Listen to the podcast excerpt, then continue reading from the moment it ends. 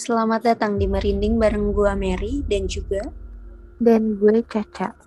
Merinding hadir untuk mengulas cerita tak kasat mata, memberi pengalaman tak terlupakan, dan pastinya membuat Anda merinding. Merinding malam ini adalah episode spesial, uh, di mana kita berdua bakal sharing tentang pengalaman horor kita. Tapi sebelum kita dengar ceritanya, buat Rindingers yang mau share pengalaman horornya bisa kontak kita nih lewat email rindingrfm@gmail.com atau ke Instagram kita di @rfmunj. Nah, jadi pengalaman lu kayak gimana nih, Cak? Boleh dong uh, sharing-sharing sama gue? Eh, boleh banget. Jadi, uh, dulu itu sekitar tahun 2018 atau 2017 uh, gue pernah punya seorang pasangan dengan mantan gue sekarang. nah mantan gue ini gue tipikal yang pacaran sama dia tuh yang teleponan terus 24 jam kayak bucin parah sebucin bucinnya. Nah di suatu malam ketika gue lagi teleponan sama dia gue video call dia lagi main Mobile Legend tapi di handphone yang satunya jadi handphone yang satunya tuh dipakai buat telepon gue buat video call Nah terus pas gue video call itu gue bilang kan gue ngantuk dan akhirnya gue tidur. Nah di situ pas gue tidur uh, dia lagi main Mobile Legend kan. Mungkin dia kalah tuh lagi mati ya kan. Nah abis itu tuh dia ngeliat dia ngecekin gue dan tiba-tiba pas dia ngeliat ke handphone dia yang nampilin muka gue lagi tertidur. Itu tuh katanya dia ngeliat di belakang gue ada sesosok perempuan rambutnya panjang terus gimbal. Habis itu tuh kukunya panjang bener-bener panjang tajam hitam gitu loh kukunya nah terus uh, wajahnya nih cantik sebenarnya cuman ancur sebelah.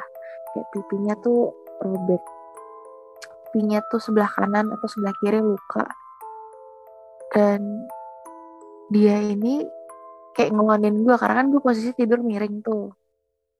Nggak telentang. Dan dia tuh di belakang gue dan dia ngelonin gue. Nah habis itu otomatis itu mantan gue kaget dong. Dia lempar lah handphonenya. Katanya tuh sosok cewek yang ada yang menampakkan diri di telepon itu tuh nyeringai katanya ke dia kayak senyum gitu. Sambil ngus-ngusin kepala gue. Gue kan tidur gue nggak tahu apa-apa. Besok besok paginya tuh dia baru cerita. Dan di situ tuh ih parah banget. Masa gue ditinggalin sendiri? Dia matiin teleponnya gara-gara ketakutan. Nah semenjak itu tuh kalau gue malam tuh tidur suka parnoan apalagi kan gue tidurnya sendiri. Uh, selang beberapa hari ada lagi kejadian yang sama. Katanya dia digangguin lagi. Cuman kali ini digangguin cuman bukan di bukan diwujudin serem kayak gitu enggak.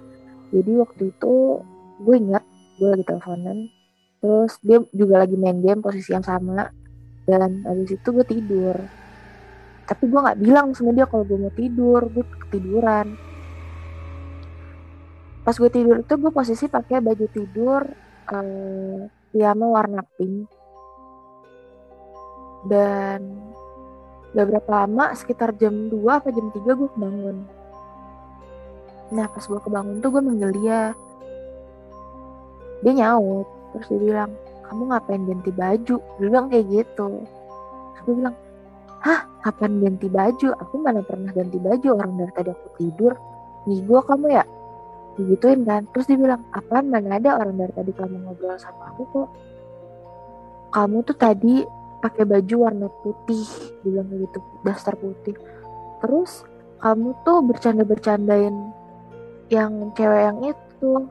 Nah cewek yang itu tuh emang sepakat dinamain Badini jadi gue manggilnya Badini jadi tuh katanya gue tuh bercandain Badini ngobrol sama dia. Dengan kayak ketawa-ketawa yang kayak kuntilanak atau segala macam itu tuh kayak gue berani banget.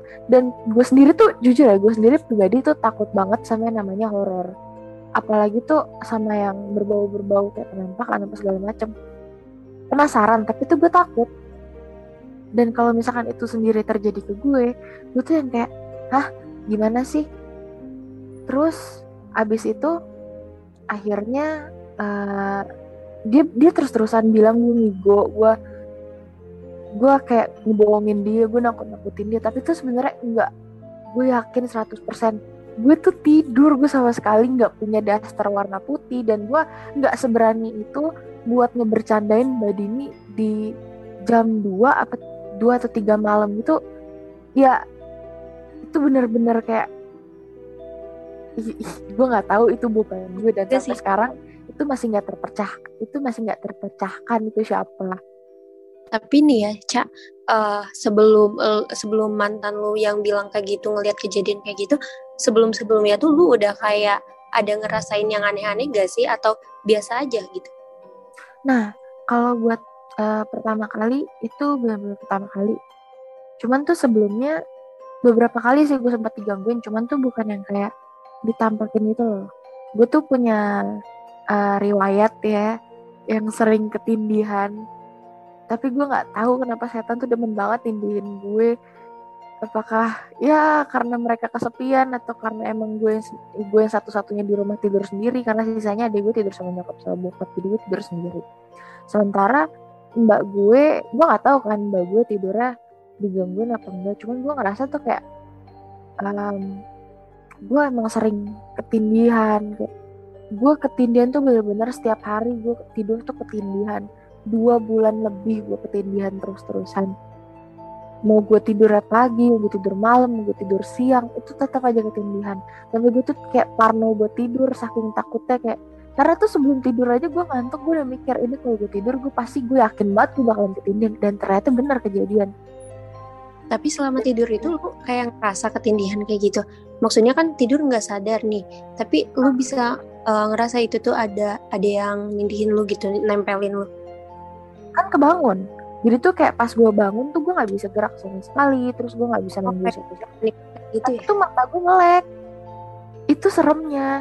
Tapi kan biasanya kan kalau orang ketindihan itu kan rata-rata mereka bisa ngeliat nih pas mereka kayak melek tuh mereka ngeliat sosok atau apa gitu kan yang di mereka.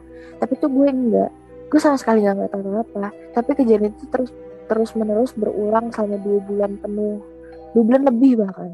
Bahkan sampai detik ini pun gue masih suka tapi orang tua lu tahu gak sih uh, kalau lu sering kayak gitu?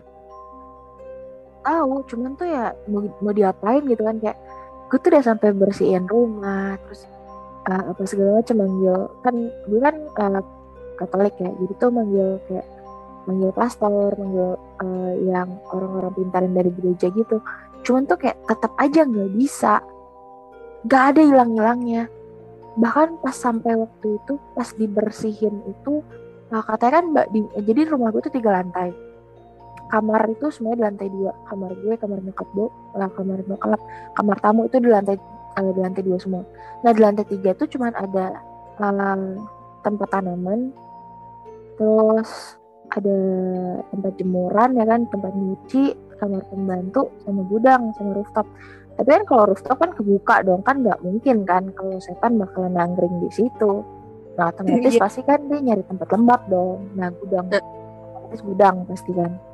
Soalnya kamar pembantu waktu itu kan masih ada mbak gue, jadi masih diisi sama mbak gue nggak mungkin posisi lembab satu-satunya yang lembab itu ya cuman kamar gudang karena kan ya emang gak ada yang nempatin siapa juga yang tidur di gudang iya kan berantakan juga nah iya sebenarnya tuh bukan bukan kayak berantakan cuman tuh lebih ke arah kayak penuh sama barang aja gitu loh. Tapi tertata dengan rapi. Cuman mungkin penuh dan gelap juga nggak ada ventilasi kan kalau gudang. Dan jarang didatengin juga. Nah katanya tuh um, Mbak Dini tuh lokasinya emang sarangnya dia tuh di situ. Nah waktu itu gue sempat ngebersihin, jadi tuh uh, aduh langsung merinding.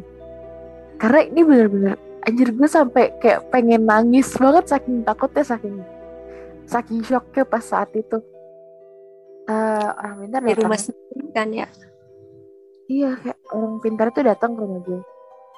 Uh, ada air ada air garam yang udah didoain. Uh, gue naik dong sama dia ke lantai tiga. Kan gue ditanya kan mau ikut nggak? Gue bilang ya udah boleh. Karena kan Samin kan gue yang merasa paling terganggu. Akhirnya gue ikut dong nah pas gue ikut tuh tangga gue pokoknya tuh pintu pintu turun ke arah tangga tuh ada sebelah kiri sementara posisi gue di sebelah kanan dan gudang di tengah-tengah. Jadi kalau gue mau turun tangga otomatis gue harus ngeliatin gudang. Nah pas itu uh, pintu kamar uh, pintu kamar gudang tuh dibuka. Terus uh, didoain sambil dicipratin air itu air garam itu. Nah uh, tapi setelah itu uh, udah nggak ada kejadian apa-apa lagi atau masih digangguin masih sampai sekarang. Cuman masih ya, sekarang. Sampai sekarang masih. Cuman udah Kalau mendingan nggak sekarang dulu. nanggepinnya tuh kayak gimana? Ya ya udah udah pasrah aja sih. Soalnya kayak udah sampai nyoba. Soalnya tuh pas pintu gudang itu dibuka pas ngebersihin itu itu auranya tuh kayak hawanya tuh panas. Tapi tuh dalam dalam gudang itu kayak panas banget. Mungkin karena emang lembab ya. Cuman tuh panasnya tuh beda kayak bener-bener panas. Dan pas dicipratin air itu uh, di, ingat ya dalam gudang tuh nggak ada sama sekali nggak ada ventilasi nggak ada oke pengap udah ruangan aja. Dan di situ tuh di deket pintu itu belakang pintu tuh ada besi. Kayak besi uh, besi besi besi besi kayak besi pagar gitu lah besi penutup pagar. Cuman tuh pagar yang kecil. Tahu tahu. Nah di situ tuh uh, besinya tuh disenderin ke arah tembok dan nggak mungkin jatuh. Karena emang udah ditahan juga. Pintu itu dibuka dicipratin lah air. Terus uh, mungkin karena dia kesel atau gimana itu pintu kebanting. Kencang banget. Jatuh gitu? Iya pintu itu kebanting uh, pintu itu kebanting ketutup. Jadi tuh dia nutupnya tuh ngebanting gitu loh. Pintu itu ketutup ngebanting. Dan akhirnya besi di dalam tuh tiba-tiba jatuh. Kayak ngehalangin pintu. Biar pintunya nggak bisa dibuka. Dan di situ tuh kayak gue yang langsung takut langsung kayak langsung karena gue kan nggak pernah nggak pernah sampai ngeliat nyata banget kan kalau anjir nih bisa ngelawan gitu loh. Bisa nggak pernah kayak gitu. Mungkin gue sampai takut banget dan waktu itu gue sampai pengen nangis kayak udah muka gue tuh udah merah banget udah pengen nangis. Mata gue tuh udah berair. Saking paniknya saking takutnya. Itu parah banget sih kejadian itu. Tapi itu dari gudang tuh deket gak sama kamar lu? Nah kamar gue pas ada di bawah gudang. Oh pas banget. Pas banget. Jadi tuh di lantai tiga gudang. Kalau turun ke lantai dua tuh kamar gue jadi pas tapi atas bawah gitu atau atau beda apa ya beda lokasi tempatnya walaupun atas bawah tapi uh, maksudnya atas bawah yang banget banget atas bawah atau beda tempat gitu? Banget banget atas bawah. Cuman paling ya kayak uh, misalkan dari 100% tuh kamar gudang mungkin 80 persennya itu di kamar gue gitu loh. Bawahnya tuh kamar gue 20 persennya tuh kamar lain kamar tamu gitu serem juga ya anjir tapi nih kan lu uh, waktu yang sama mantan lu kan uh, sekali dua kali kayak gitu Nah terus lu curiga gak sih kayak gue nih ketiduran tapi gue kayak uh, pengen tahu nih ini tuh siapa yang ngobrol sama mantan lu. Kayak pernah nyoba gak sih lu malam-malam kayak ini biar biar lu tahu ngelihat atau udah takut duluan? Oh udah takut duluan. Gak mungkin gue memberanikan diri gue buat record diri gue sendiri pas tidur. Terus tiba-tiba kalau misalkan amit-amit gitu kan Terus gue ngeliat dia beneran ngobrol gitu kan. Terus kayak gue yang panik sendiri dan gue gak bakalan mau tidur di sini lagi. Kayak gue langsung pindah. Langsung ih nggak deh nggak nggak makasih lagi kan mending kalau wujudnya bagus itu kan serem. Iya tapi mantan lu beranian banget ya oh karena dia ngiranya itu lu nah kalau yang pas itu emang dia ngiranya itu gue jadi ya udah dia ngobrol-ngobrol aja karena itu berwujud gue bukan wujud yang aneh-aneh Tapi dari suaranya itu suara lu. Katanya suara gue. Cuman tuh kayak yang kayak gue niruin suara kuntilanak, ketawanya kuntilanak itu tuh gue berani banget padahal belum. Kalau aslinya nggak mungkin lah gue berani. Apalagi di jam-jam 2, jam 3 gitu gila aja. Ya, kan. ya sendiri anjir. Seru banget.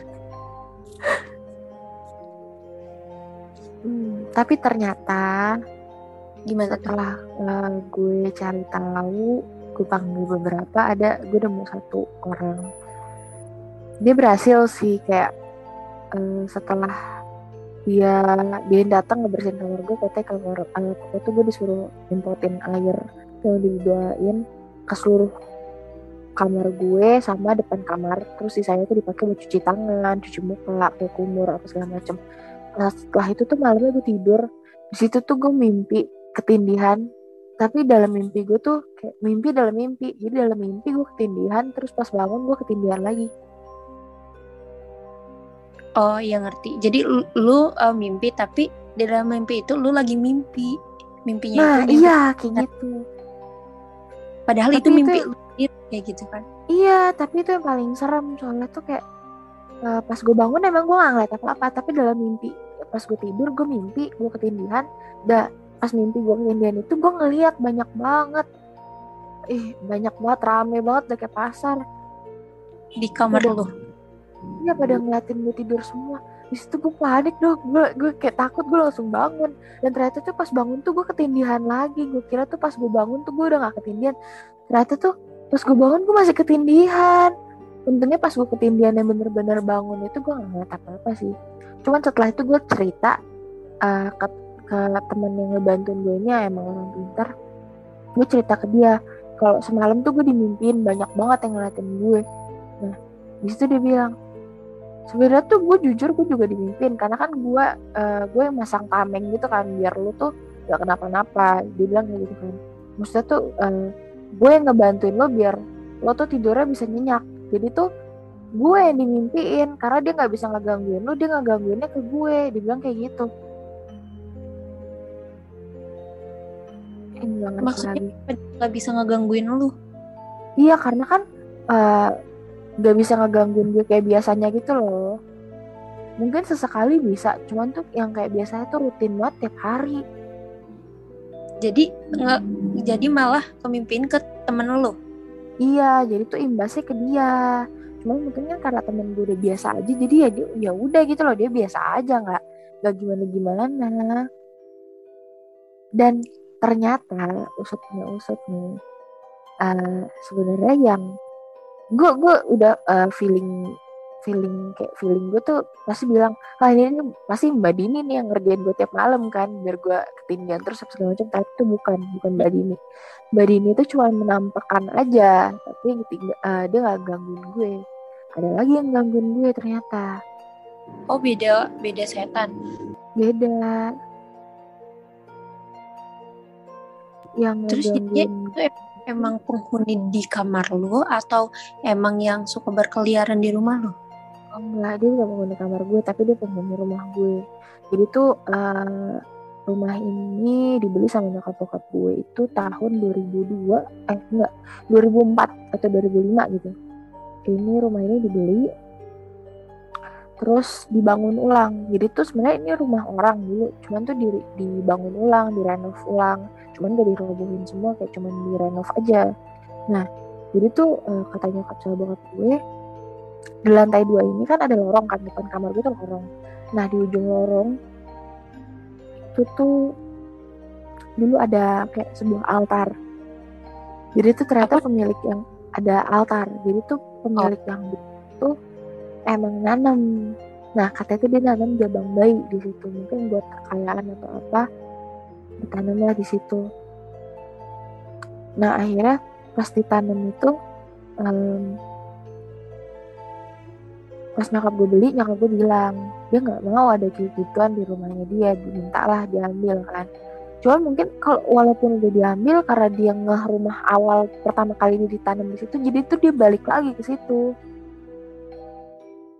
jadi netep di situ gitu ya?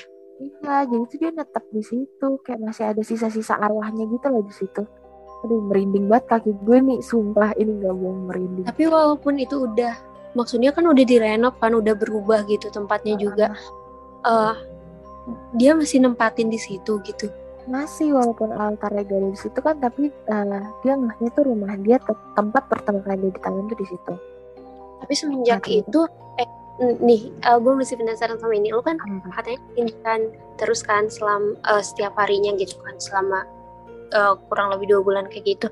Terus mungkin sampai sekarang juga kadang masih suka kan. Nah kalau lu ketindihan nih terus lu bangun kan otomatis berat kayak gitu. Cara hmm. ngatasinnya lu gimana? Apa nyampe nunggu hilang dulu uh, beratnya atau kayak gimana tuh? Biar setannya udah nggak nempel lagi di lu. Enggak kalau misalkan uh, baru bangun pas ketindihan tuh nggak berasa apa-apa. Kayak bangun nih terus dua detik kemudian lo berpikir yang tadi tuh sebenarnya mimpi apa bukan? Jadi tuh lo bakalan bingung sendiri kayak kayak lo gak bakalan percaya kalau lo barusan ketindihan lo bakalan mikir itu cuma mimpi. Tapi sebenarnya itu benar. Dan itu udah terbukti. Karena oh. uh, waktu itu pokoknya gue pernah ketindihan ada teman gue terus teman gue ngebangunin gue. Dan gue tuh nyadar dia lagi teleponan sama cowoknya waktu itu. Dan gue gue inget banget kata-katanya dia apa nah pas gue bangun tuh dia ngebangunin gue karena dia ngeliat gue ketindihan dia ngebangunin gue akhirnya gue gue tanya ke dia tadi lu ngomong kayak gini gini gini gini bukan dia bilang iya lo tahu? Kan lo tidur. Dia bilang kayak gitu. Terus gue bilang gue ketindihan cuy tadi.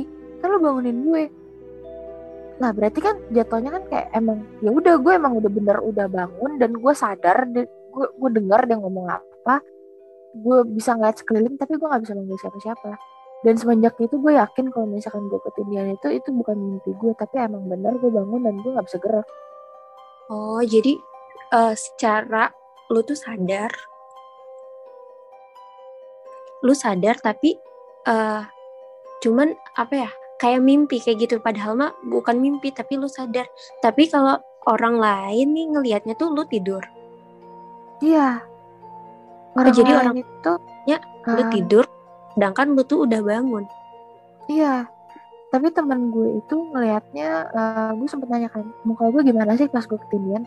Dia bilang katanya kan gue kan emang pas ketindian itu gue nyadar temen gue bangun dan masih teleponan dan deket posisi tuh deket banget sama gue. Gue bisa aja ny nyenggol dia. Kalau misalkan gue bisa gerak gue bisa nyenggol dia.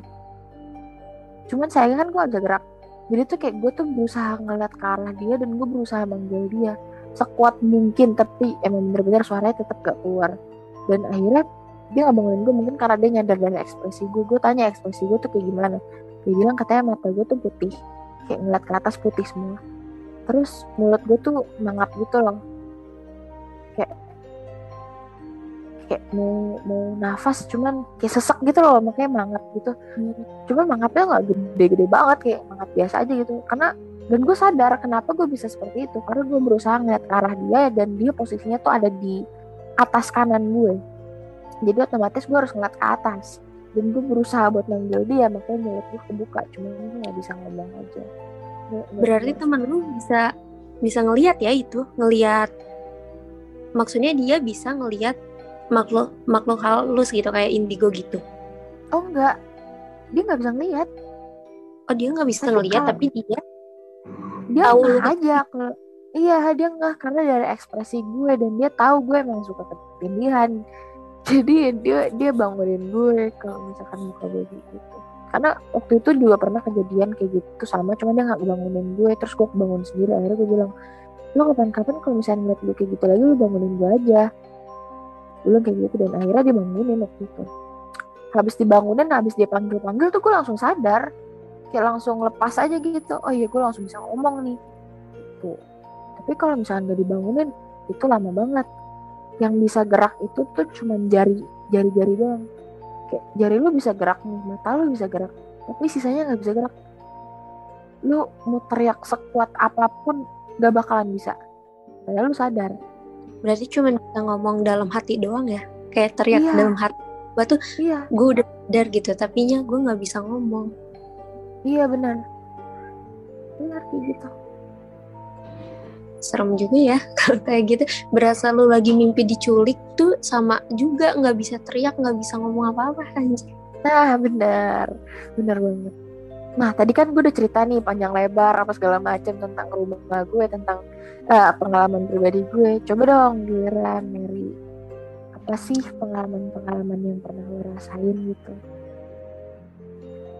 Kalau gue, gue nggak banyak sih karena gue juga nggak bukan orang yang sering lihat malu kayak gituan kan. Terus juga ya di rumah juga gue juga jarang-jarang sih nggak pernah ada kecuali pernah waktu itu uh, depan rumah gue tuh ada kayak lagi pembangunan ruko. Lagi kan gue ini dekat pinggir jalan nih uh, masuk itu terus depan gue tuh depan rumah tuh ruko semua kan sepanjang jalan.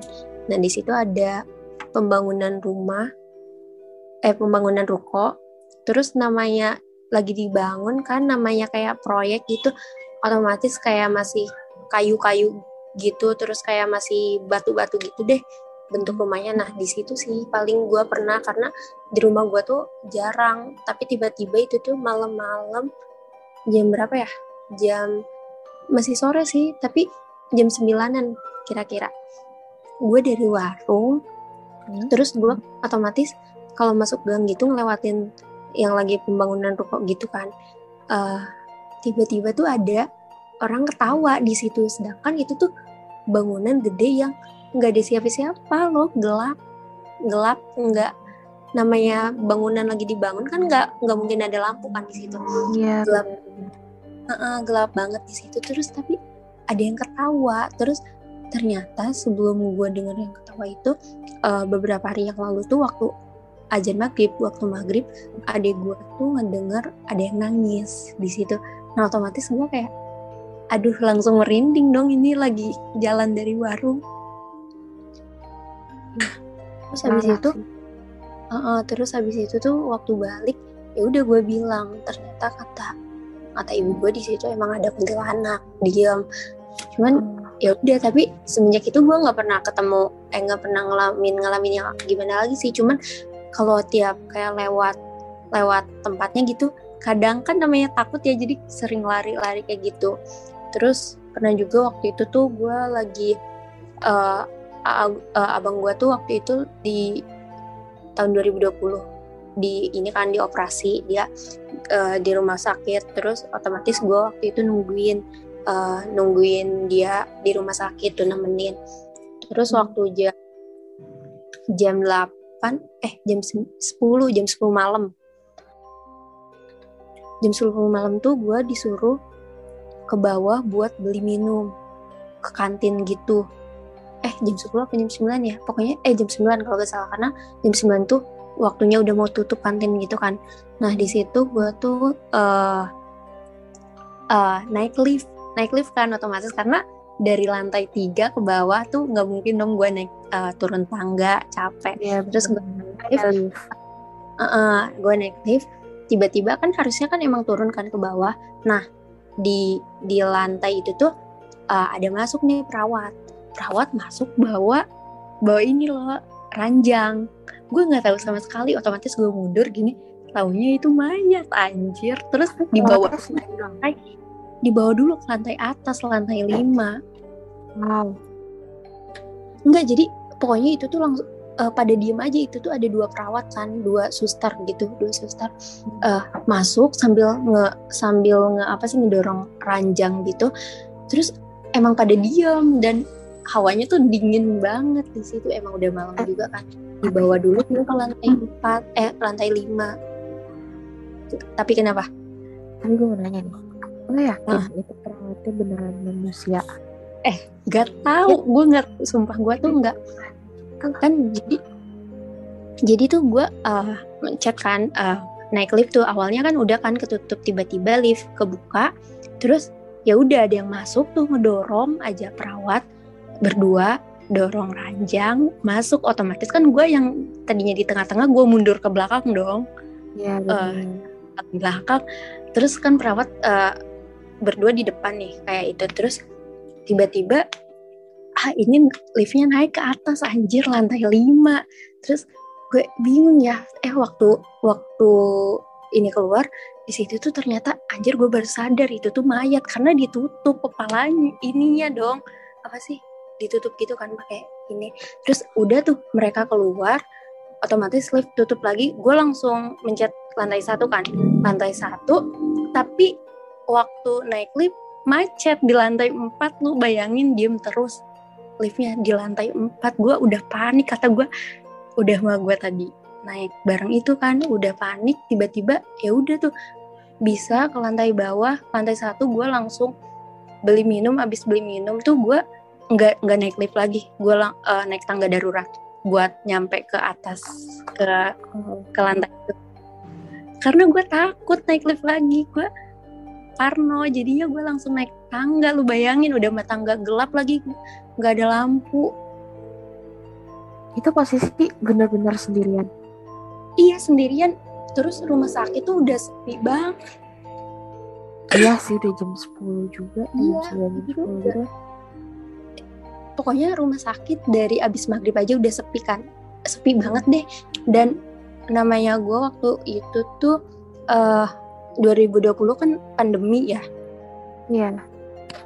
Nah pandemi kan nggak boleh ada yang banyak-banyak dan yang ngejaga pun harus satu orang doang. Gue cuma satu orang di situ, sedangkan uh, abang gue tuh lagi di ruang operasi berjam-jam namanya lagi di operasi tuh dari dari maghrib jam 5 tuh berjam-jam anjir. Jadi gue tuh beli minum dulu